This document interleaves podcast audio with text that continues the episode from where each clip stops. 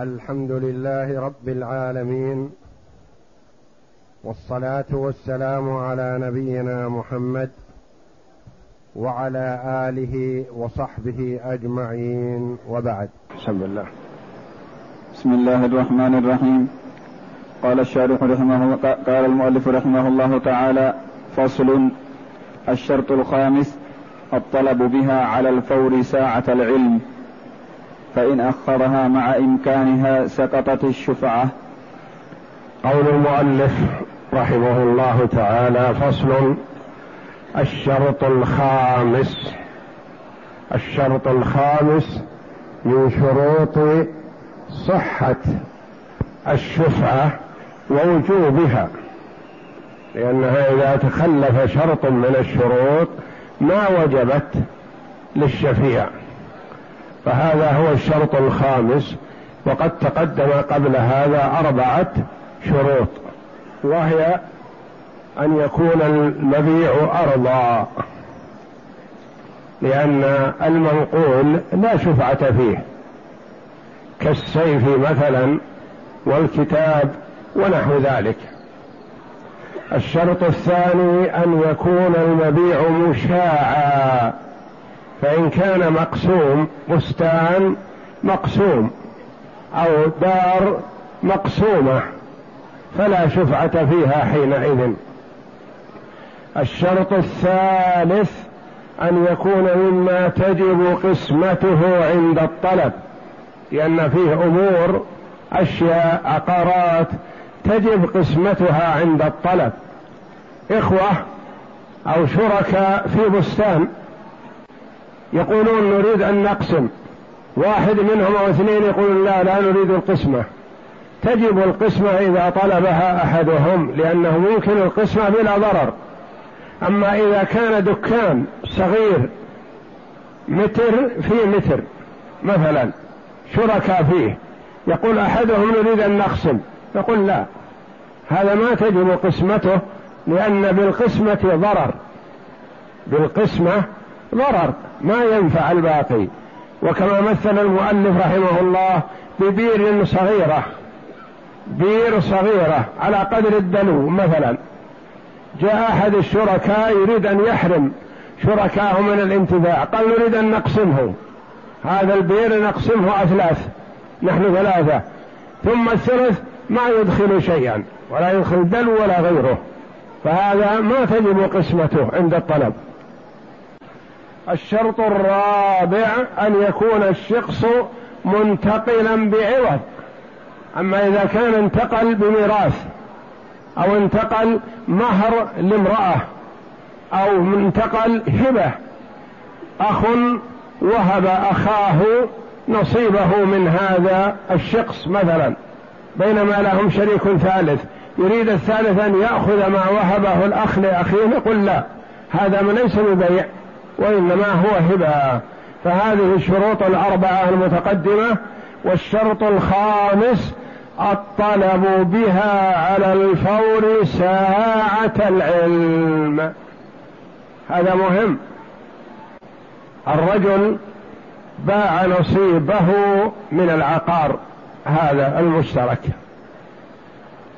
المشتري جاء أو التقى بالشريك وأخبره فسكت. وما أبدى شفعه.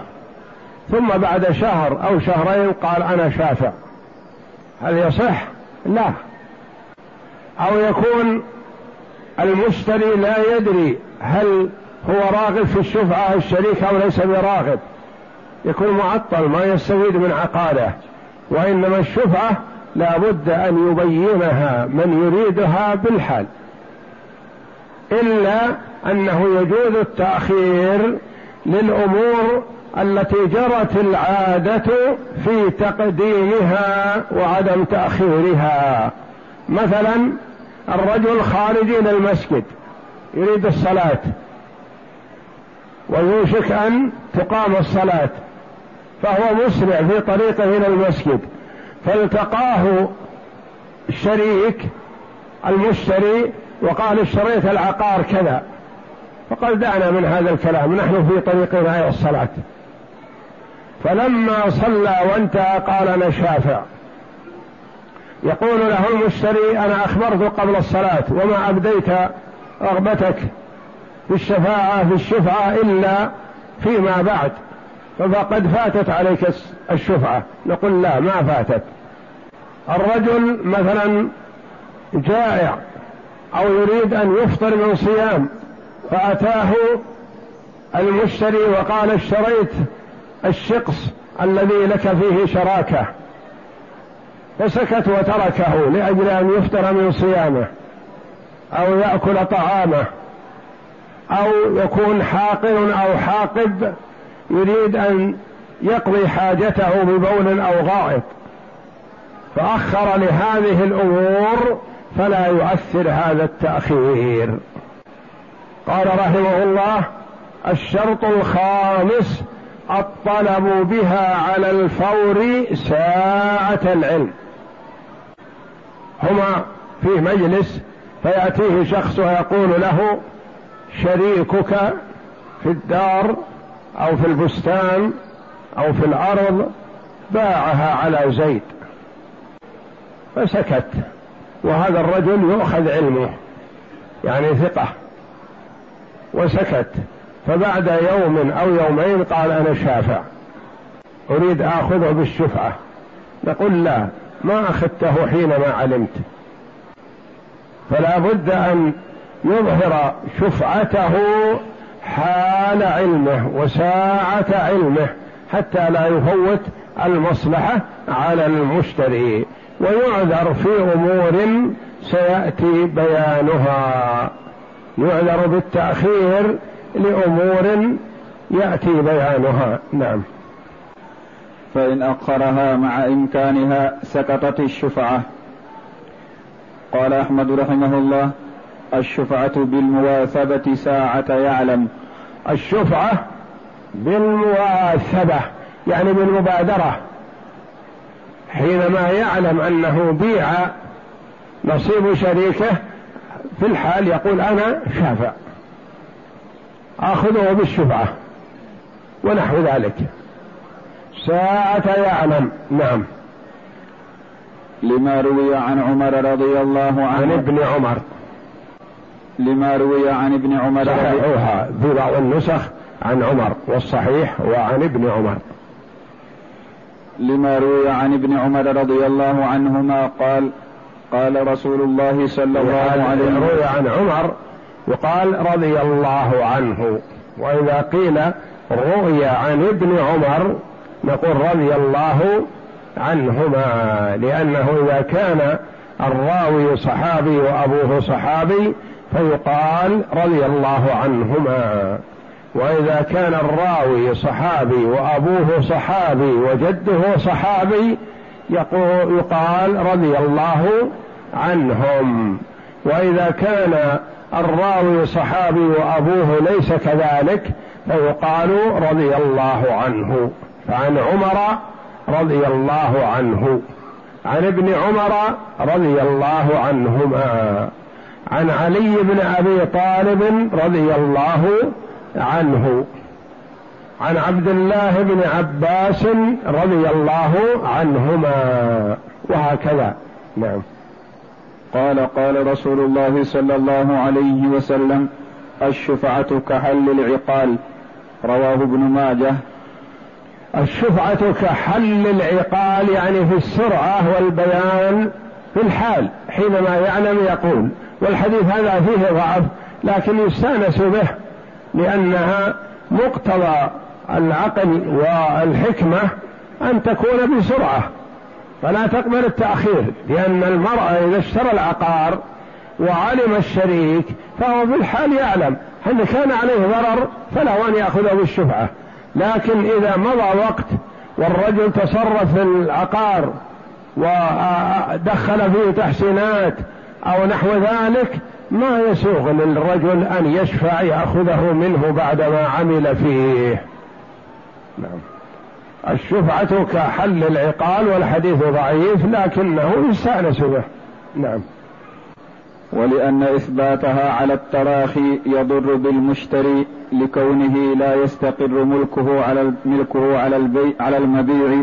لأن إثباتها على التراخي يقال للشفيع مثلا أنت لك الخيار. انظر في أمرك. أسبوع عشرة أيام شهر ناظر. أنت عليك ضرر في هذا المشتري الجديد فتأخذ بالشفعة أنت لا ضرر عليك لك الخيار. أنت انظر في حالك هل تستطيع أن تدفع القيمة أو لا؟ ونحو ذلك. هذا يكون في ضرر على المشتري. والنبي صلى الله عليه وسلم يقول لا ضرر ولا ضرار. فما يصلح أن يعطى أحد الرجلين ما يريد والآخر يكون عليه ضرر في هذا؟ لا. وإنما يدفع الضرر بالتي هي أحسن. يدفع الضرر عن المالك الأول لأن له السبق وله القدم بحيث لا يضر على المشتري الآخر. تذهب دراهمه ويذهب عقاره لأنه سلم. والشفيع كما سيأتينا يأخذه من المشتري لا يأخذه من البائع الأول لأنه ما تتم الشفعة إلا إذا تم البيع وإذا تم البيع يكون البائع الأول أخذ دراهمه واستفاد منها والمشتري سيؤخذ منه العقار ودراهمه سلمت وهو ينظر متى يأتيه حقه يكون في مماطلة ومناظرة من الشفيع فلا ضرر ولا ضرار. يقال انظر إن كان لك رغبة فيه وأنت قادر على التسليم تسليم القيمة كما سلمت فخذه. فالشفيع يأخذه من المشتري لا من البائع وتأخير الشفعة فيها ضرر على المشتري. نعم. ولأن إثباتها على التراخي يضر بالمشتري لكونه لا يستقر ملكه على المبيع. ما يستقر ملكه ما يدري متى يؤخذ. هو اشترى ودفع الدراهم لكن يترقب. هل في شفيع أو ليس فيه شفيع؟ هل يأخذه أو لا يأخذه؟ فيكون ما مرتاح. ولا ملكه مستقر ولا يستطيع أن يتصرف في ملكه. نعم. لكونه لا يستقر ملكه على المبيع ولا يتصرف فيه بعمارة خوفا من أخذ المبيع وضياع عمله. نعم. وقال ابن حامد رحمه الله تتقدر بالمجلس وإن طال. لأنه, لأنه كله في حكم حالة العقد قال ابن حامد رحمه الله يتقدر المهلة في الشفعة بالمجلس. يقول وإن طال لأن المجلس له اعتبار. فما بيع مما يلزم فيه القبض في المجلس ما داموا في المجلس فلا ضرر. حتى لو كان صرف ذهب بفضة أو أمور يلزم فيها القبض في المجلس ما داموا في المجلس سواء فالحكم واحد. لو أن مثلا البايع والمشتري والشريك في مكان واحد فباع أحدهم على آخر أجنبي والشريك حاضر وسكت. على القول الأول أنها بالمعثبه لازم الشريك إذا تم البيع وقال بعتك وقال الآخر اشتريت يقول أنا آخذ بالشفعة. على القول الآخر قول ابن حامد رحمه الله يقول ما داموا في المجلس فلا حرج. هم في الصباح الضحى اتفقوا وجلسوا وتبايعوا وسكت الشريك. ما أخذ بالشفعة. إلى من الصباح إلى أذان الظهر وهم سواء. عندما أذن الظهر وأرادوا يتفرقون قال أنا آخذ الشفعة على رأي ابن حامد رحمه الله يقول يجوز. لأن هم في المجلس. وعلى القول الأول أنها بالمواثبة أنه إن قالها بعد علمه مباشرة وإلا فلا شفعة له. يقول لأن المجلس يطول. وقد يجتمع الاثنان وقت طويل ما يتفرقان من الصباح إلى المساء. فيكون في هذا إضرار على المشتري. ابن حامد يقول ما داموا في المجلس فلا حرج. وقال ابن حامد رحمه الله تتقدر بالمجلس وإن طال. وإن طال ما هو المجلس. لأن أحيانا يطول المجلس أو يكون مثلا في سفينة. مسافرون. متلازمون. ما يفارق أحدهم الآخر. أو في سيارة أو في الطائرة. ويستمران معا. فمعناه أن المجلس قد يطول. فيكون فيه إضرار بالمشتري. نعم. لأنه كله في حكم حالة العقد بدليل صحة العقد بوجود القبض لما يشترط قبضه فيه. يعني اللي يقول ابن حامد رحمه الله المجلس طال أو قصر حكمه واحد. ما يقال المجلس إذا زاد عن نص ساعة أو ربع ساعة أو ساعة انتهى. ما داموا متلازمون فحالهم واحدة. فكذلك الشفعة ما دامت في المجلس حتى وإن طال المجلس فلا حرج. ودليل صحة العقد بوجود القبض لما يشترط قبضه في المجلس. لو مثلا تصارف ذهب بفضة ثم أحدهم سلم الذهب والفضة ما سلمت. وهم في المجلس واستمروا معا إلى الظهر وهم في المجلس فلا حرج. لأنهم في مجلس واحد ما تفرقا. نعم. وعن أحمد رحمه الله أنه على التراخي ما لم توجد منه دلالة على الرضا. القول الآخر هذا للإمام أحمد رحمه الله أن الشفعة على التراخي ما لم يوجد الرضا. قد يقول قائل مثلا التراخي إلى متى؟ يقال ما لم يوجد الرضا بالبيع وعدم الرغبة في الشفعة. ومعناه أنه إذا علم ما يقال له قل في الحال ما عندك. يقول أمهلوني أنظر هل أستطيع أدفع المبلغ؟ هل أنا في حاجة إلى الأخذ بالشفعة؟ يقول على التراخي ما لم يوجد الرضا فإذا وجد الرضا ولو في الحال انتهت الشفعة. ما هي علامات الرضا؟ أن يدعو للمشتري يقول تربح إن شاء الله في هذه الصفقة. هذه فيها إن شاء الله ربح لك.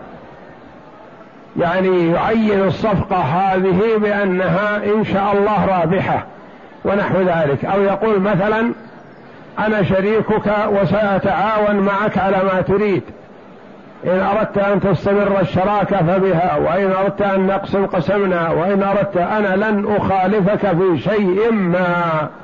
هذا دليل الرضا. وعن أحمد. وعن أحمد رحمه الله أنه على التراخي ما لم توجد منه دلالة على الرضا كقوله بعني أو صالحني على مال أو قاسم. هذه أدلة على الرضا. إذا علم بالبيع مثلا وقال أرغب منك أن تبيع علي هذا الشخص الذي اشتريته مثلا. فهذا دليل رضاه بالمشاركة. وإلا لو أراد الشفعة أخذه بدون خيار. لكن كونه يعرض عليه أنك تبيعني أو أنا أبي عليك قسم من نصيبي أو نحو ذلك. أو أعطيك عرض بدل هذا الشخص الذي اشتريته. هذا الشخص الذي اشتريته أنت أنا أعطيك بدله بستان مستقل وخل هذا لي أشتريه منك. هذا دليل الرضا تبطل الشفعة حينئذ. نعم.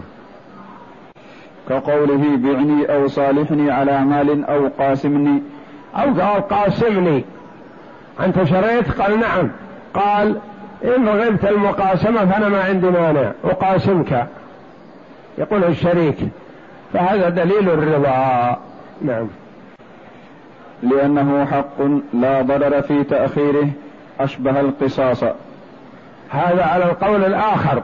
يقول التأخير حق لا ضرر فيه أشبه حال القصاص والتأخير في القصاص مطلوب لأنه ما يرغب في سرعة إزهاق روح المسلم حتى وإن كان جاري. فكونه مثلا ينتظر ويصبر ما يبدي الرغبة في القصاص ما يقال له سقط حقك في القصاص. نعم. والمذهب الأول المذهب الأول أنها على الفور. نعم. لكن إن أخره لعذر مثل هذا على المذهب الأول. إذا كان التأخير لعذر ما نوع الأعذار وما هي الأنواع التي يصح التأخير من أجلها في طلب الشفعة. وهي. لكن إن أخره لعذر مثل أن يعلم ليلا فيؤخره إلى الصباح. مثلا يكون الرجل متهيئ للنوم بعد صلاة العشاء. جاءه شخص ولده أو غيره قال شريكنا في العقار باع على فلان. فسكت العبد لأن الوقت غير مناسب الآن. أنه ينطلق إلى ذا ويكلم هذا الناس في حال راحة ونوم. وعلى نية أنه في الصباح يكلم المشتري ويقول أنا أرغب الشفعة فيما اشتريته. فيؤخره إلى الصباح فلا حرج. نعم. أو لحاجته إلى أكل أو شرب أو طهارة أو إغلاق باب أو خروج من الحمام أو خروج لصلاة أو نحو هذه أعذار الحاجة إلى أكل مثل ما مثلنا مثلا هو صائم ويريد الإفطار. وما بادر مثلا في طلب الشفعة يريد أن يفطر ثم بعد ذلك يطلب الشفعة. أو عطشان يريد أن يشرب فانتظر وبعدما شرب قال أنا شافع مثلا في هذا أريد الأخذ بالشفعة. فلا بأس ما يقال أنت علمت قبل أن تشرب وأخرت الطلب حتى شربت. أو طهارة يعني هو في حاجة إلى أن يتوضأ. أتاه شخص وقال شريكك باع نصيبه على فلان وهو متهيئ يريد أن يتوضأ ليذهب إلى الصلاة. فأخر الشفعة وطلب الشفعة حتى توضأ مثلا. أو يريد الصلاة أو يريد إغلاق الباب. يعني أي عمل قام به من الأمور السهلة فلا تؤثر وتحرمه من الشفعة. نعم. أو طهارة. أو طهارة أو إغلاق باب أو خروج من الحمام أو خروج لصلاة أو نحو ذلك. لا يلزمه أن يكلمه بالحمام. إذا علم وهو يتوضأ مثلا فيقال تكلم وأنت في مكانه. قل مثلا ترى شافع ولا ما أنا شافع لا ما يلزم. لا إذا خرج من الحمام قال ما عنده. نعم. لم تبطل شفعته لأن العادة أو خروج لصلاة. أو خروج لصلاة أو نحو هذا. لم أو خروج لصلاة ونحو هذا.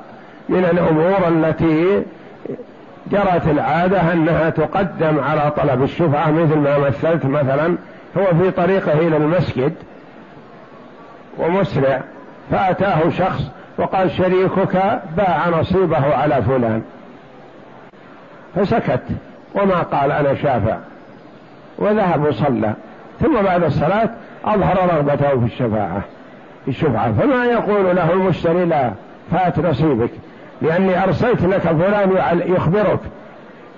يقول أخبرني وأنا في طريقي إلى الصلاة. فالمسألة الوقت ليس مناسب وقت بيع وشراء وشفعة أنا ذاهب إلى المسجد. فلما صليت أخبرتكم بطلب العقار بالشفعة. فلا بأس بهذا. نعم. لأن العادة البداءة بهذه الأشياء.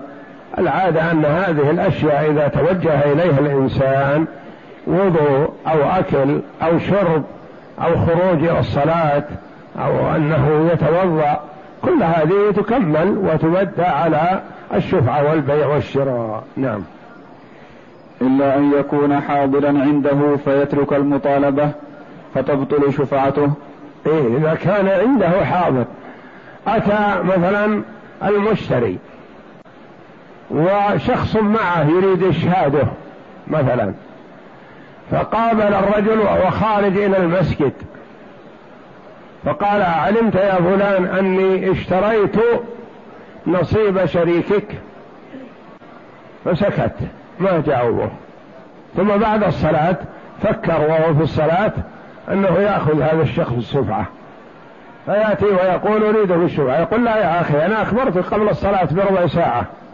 وأنت ما قلت لي وأنا عندي شاهد. أنا تعمدت هذا لأني حضرت إليك ومعي شاهد يشهد على أنك أني أخبرتك وما رددت علي بأنك تريد الشفعة فحينئذ إذا كان عنده حاضر المشتري و وسكت الشريك ولم يظهر الشفعة تبطل شفعته إذا علم ولم يبدها. لأنه لا ضرر عليه في الطلب بها. لأنه ما في ضرر وهو لو كان في طريق المسجد. يقول أنا شافع. نعم. نعم. وإن لقيه الشفيع فبدأه بالسلام لم تبطل شفعته. لأن البداءة بالسلام سنة. وكذلك وإن لقيه الشفيع فبدأه بالسلام. يعني إذا لقي المشتري الشفيع فسلم الشفيع على المشتري أو المشتري سلم على الشفيع ورد عليه السلام وسأله عن حاله وأولاده وهو يعلم عن البيع ما يؤثر هذا لأنها جرت العادة أن السلام يبدأ به ومن حين ما يقابل وجهه يقول أنا شافع أنا مشفع في هذا العقار. لا يسلم ثم يبدي شفعته. نعم. وكذا إن دعا له فقال بارك الله لك في صفقة يمينك. إذا قال بارك الله لك في صفقة يمينك هل تبطل شفعته؟ لا. هذه قد يكون قالها لمصلحته هو. يقول بيعتك هذه بيعة مباركة لأنها سببت الانتقال العقار إلي. أما إذا قال وفقك الله للربح في هذه الصفقة أو تربح فيها إن شاء الله العشر عشرين تربح فيها المئة مئتين ونحو ذلك مثلا هذه تبطل شفعته لأنه أتى بما يدل على عدم الرغبة في الشفعة. لكن إذا دعا له قال صفقتك مباركة هذه إن شاء الله. وسكت. ثم قال أنا شافع. يقول لا يا أخي أنت مالك شفعة لأنك باركت لي في الصفقة. يقول نعم أنا باركت لك في الصفقة لأنها أرى أنها مباركة لأنها تكون سبب انتقال الشخص هذا إلي لأني كنت أحاول صاحبي أن يشتريه من زمن ما طاع. لكن لما باعه إليك أنا قلت هذه صفقة مباركة لأنها تؤول إلي. وكذلك إن دعا له فلا يبطل شفعته. إن دعا له بدعاء عام فلا تبطل شفعته.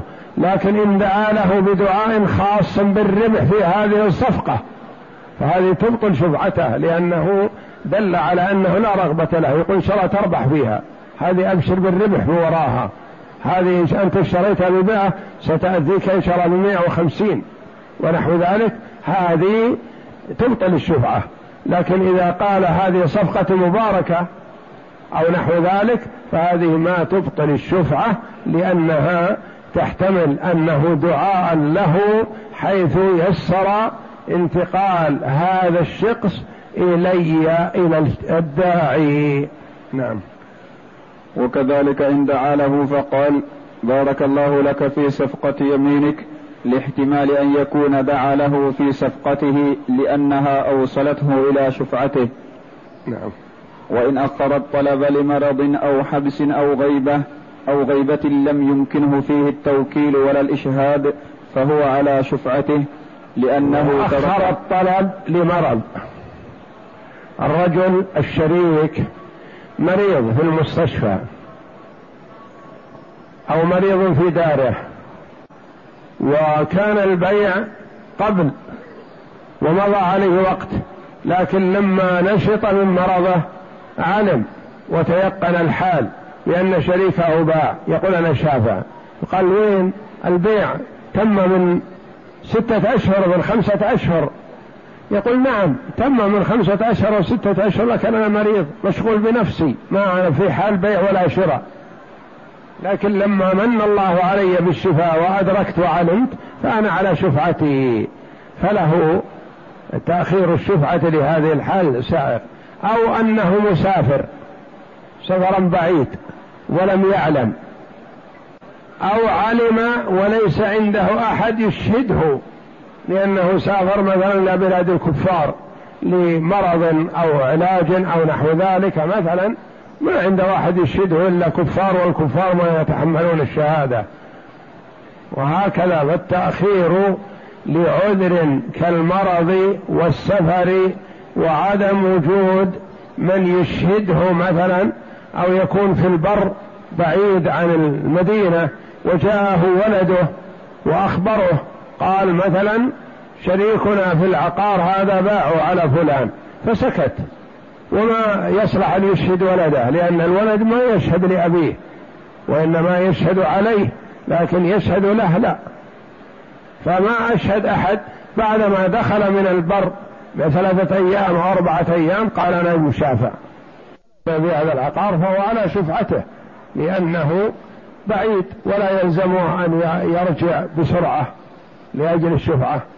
نعم. وإن أخر الطلب لمرض أو حبس أو غيبة لم يمكنه فيه التوكيل المحبوس مثلا علم وهو محبوس ولا عند واحد يشهده. يقال أما علمت عن البيع قبل خمسة أيام؟ يقول بلى علمت لكني في الحبس ما عندي أحد يشهده. نعم. أو غيبة لم يمكنه فيه التوكيل ولا الإشهاد فهو على شفعته لأنه تركه لعذر. وإن قدر على إشهاد من تقبل شهادته فلم يفعل ولم يسر في طلبها من غير عذر بطلت شفعته لأنه قدر على الإشهاد عنده ناس يمكن أن يشهدهم ولم يشهدهم فات عليه. بخلاف ما إذا لم يكن عنده ناس يشهدهم فإنها لا تفوت عليه. نعم. ولم يسر يعني يعمل يذهب لأجل أن يأخذها بالشفعة. ما عنده أحد يشهده لكنه سار فيكفي. هذا ما يفوت عليه الشفعة. نعم. لأنه قد يترك الطلب زهدا أو للعذر فإذا أمكنه تبيين ذلك بالإشهاد فلم يفعل بطلت شفعته كتركه الطلب في حضوره. وإن لم يشهد وسار عقيب علمه ففيه وجهان.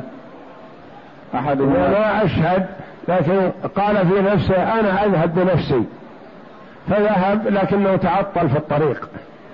فلا يفوت شفعته على الوجه الأول والثاني يفوت شفعته لأنه ما أشهد.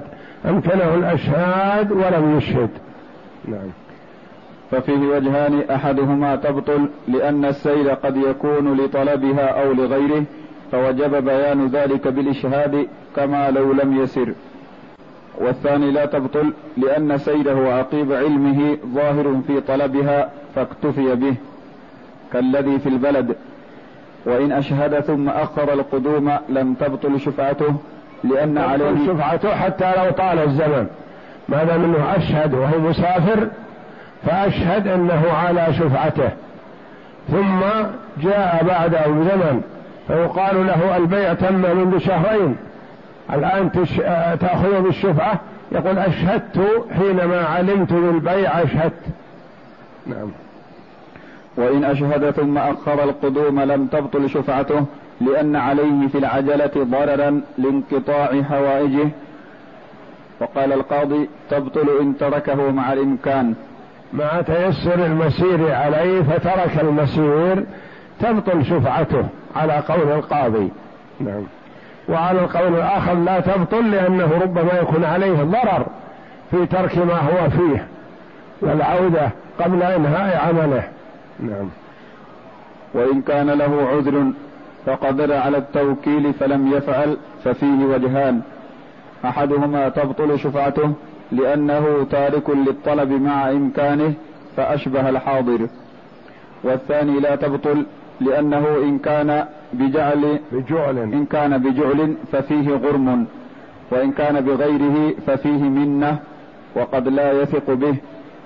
وإن أخر المطالبة بعد قدومه هذا في إمكان التوكيل يكون هو مسافر وعلم ولا يستطيع العودة في الحال. ولا عنده أحد يشهده لكن بالإمكان أنه يوكل.